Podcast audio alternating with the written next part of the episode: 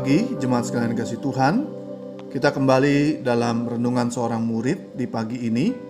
Sebelum kita baca dan renungan firman Tuhan, mari kita berdoa. Tuhan berkati perenungan yang kami akan dengar bersama.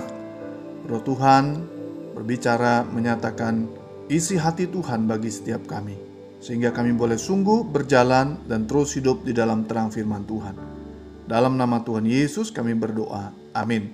Pembacaan pagi ini terambil dari 2 Samuel 23 ayat 1 sampai ayat yang ke-7. Saya tidak akan bacakan keseluruhan ayat ini karena saya akan baca dan singgung di dalam penjelasan perenungan pada pagi hari ini. Saudara sekalian, di dalam 2 Samuel 23 ayat yang pertama, di sana dikatakan inilah perkataan Daud yang terakhir. Saudara, ini bukan berarti kata-kata terakhir Daud sebelum meninggal.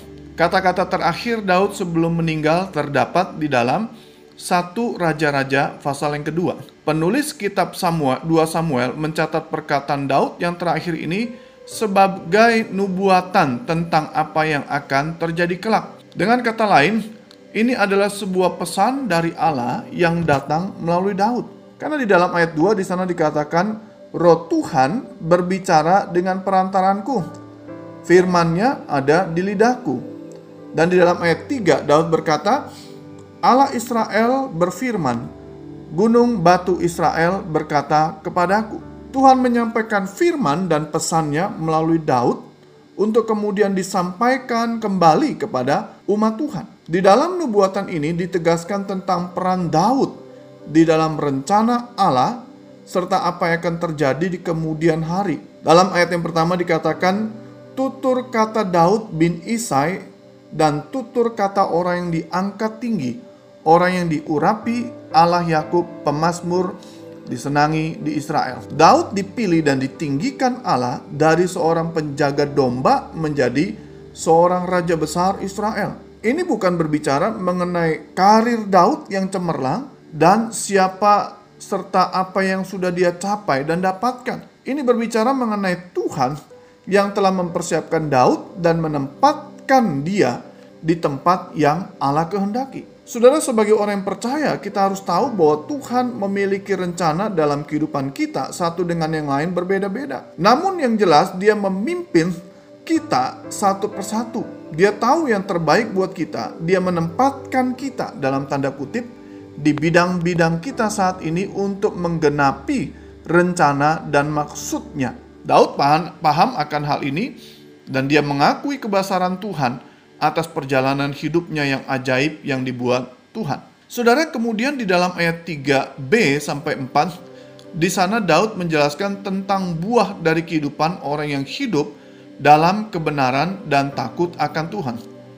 Apabila seorang memerintah manusia dengan adil, memerintah dengan takut akan Tuhan. Ia akan bersinar seperti fajar di waktu pagi, pagi yang tidak berawan, yang sesudah hujan membuat berkilauan rumput muda di tanah. Saudara, orang yang memerintah di sana punya arti menjalankan kepemimpinan, melakukan suatu pekerjaan haruslah disertai keadilan, bahasa aslinya kebenaran, dan takut akan Tuhan, sebuah perilaku kehidupan sehari-hari yang menghormati Tuhan, baik secara emosi dan intelektual. Takut akan Tuhan di dalamnya juga memiliki arti menuntut kehidupan yang saleh dalam segala hal.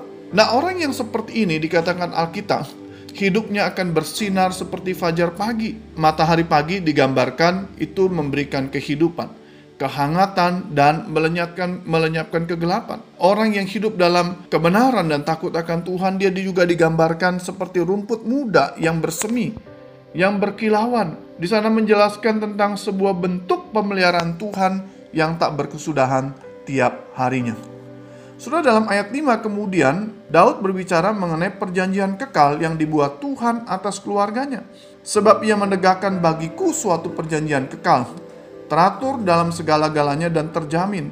Saudara Tuhan berfirman melalui Daud bahwa perjanjian yang diikat antara dirinya dengan Daud adalah sebuah perjanjian kekal. Sebelumnya, dalam 2 Samuel 7 ayat 16, Tuhan pernah berkata kepada Daud bahwa keluarga dan kerajaanmu akan kokoh untuk selamanya di hadapanku. Tatamu akan kokoh untuk selama-lamanya. Nah menarik sekali jika kita memperhatikan kalimat perjanjian kekal di dalam 2 Samuel 23 ayat 5 dengan kerajaanmu dan tahtamu akan kokoh selama-lamanya di dalam 2 Samuel 7 ayat 16 dalam bahasa Ibrani di sana memakai kata penunjuk waktu yang sama, yaitu olam, menjelaskan sebuah rentang waktu yang kekal, abadi dan tak berkesudahan. Hal ini kita dapat lihat dengan kehadiran Kristus ke dunia. Kristus adalah keturunan Daud yang dilahirkan. Allah memelihara dan menggenapi janjinya. Dan hari ini kita dapat menikmati perjanjian yang pernah dibuat antara Allah dengan Daud beribu-ribu tahun yang lalu di dalam Kristus. Perjanjian di dalam ayat kelima itu dikatakan teratur dan terjamin. Tidak ada yang dapat membatalkan. Perjanjian ini sekali lagi bukan untuk menunjuk siapa dan bagaimana Daud. Ini untuk menunjukkan kebesaran Tuhan, keajaiban kasih karunia-Nya kepada manusia berdosa. Kita yang bukan berasal dari keturunan Daud secara darah dan daging, dipanggil masuk ke dalam perjanjian kekal itu. Karena itu teruslah hidup di dalam kebergantungan dan kasih kepada Allah yang telah mendirikan perjanjian kekal itu sampai akhir. Dalam ayat 6 dan ke-7, di sana Allah menubuatkan akhir dari kehidupan orang Dursila.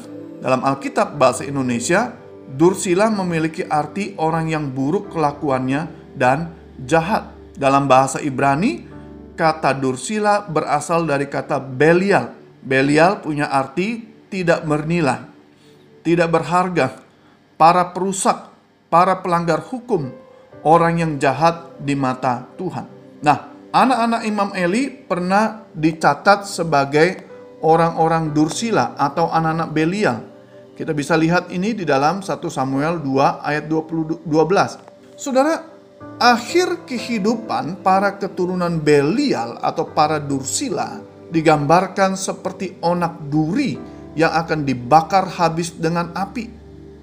Ini berbicara mengenai penghukuman kekal yang akan diterima kelak. Orang jahat, para pelanggar hukum-hukum Allah, tidak menghormati Allah dan kesuciannya, tidak akan dibiarkan bebas oleh Allah.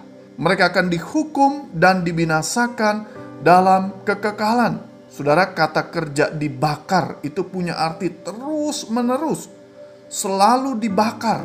Sebuah gambaran penghukuman kekal karena murka Allah atas orang-orang yang hidupnya jahat. Saudara, biar firman Tuhan pagi ini kembali menjadi berkat dan mengingatkan kita kembali agar kita terus hidup bersyukur, mengasihi Tuhan, dan berpegang dalam perjanjian yang kekal yang telah dinyatakan Allah di dalam Kristus Yesus. Di sisi yang sama, kita juga meninggalkan kehidupan yang dursila, yang jahat, yang sia-sia, yang akan mendatangkan hukuman kelak. Kiranya firman Tuhan menjadi berkat buat kita. Kita sekali lagi berdoa di hadapan Tuhan. Tuhan terima kasih untuk perjanjian kekal yang kau buat dan kami boleh menikmati kehidupan anugerah yang besar di dalam perjanjian yang kekal yang engkau dirikan itu. Tolong kami boleh hidup terus di dalam perjanjian yang kekal itu, di dalam Kristus Yesus, dan kami hidup mengasihi engkau lebih lagi. Dan kami tidak mengembangkan kehidupan, kehidupan yang dursila, yang jahat di mata Tuhan. Terima kasih Tuhan dengar doa kami.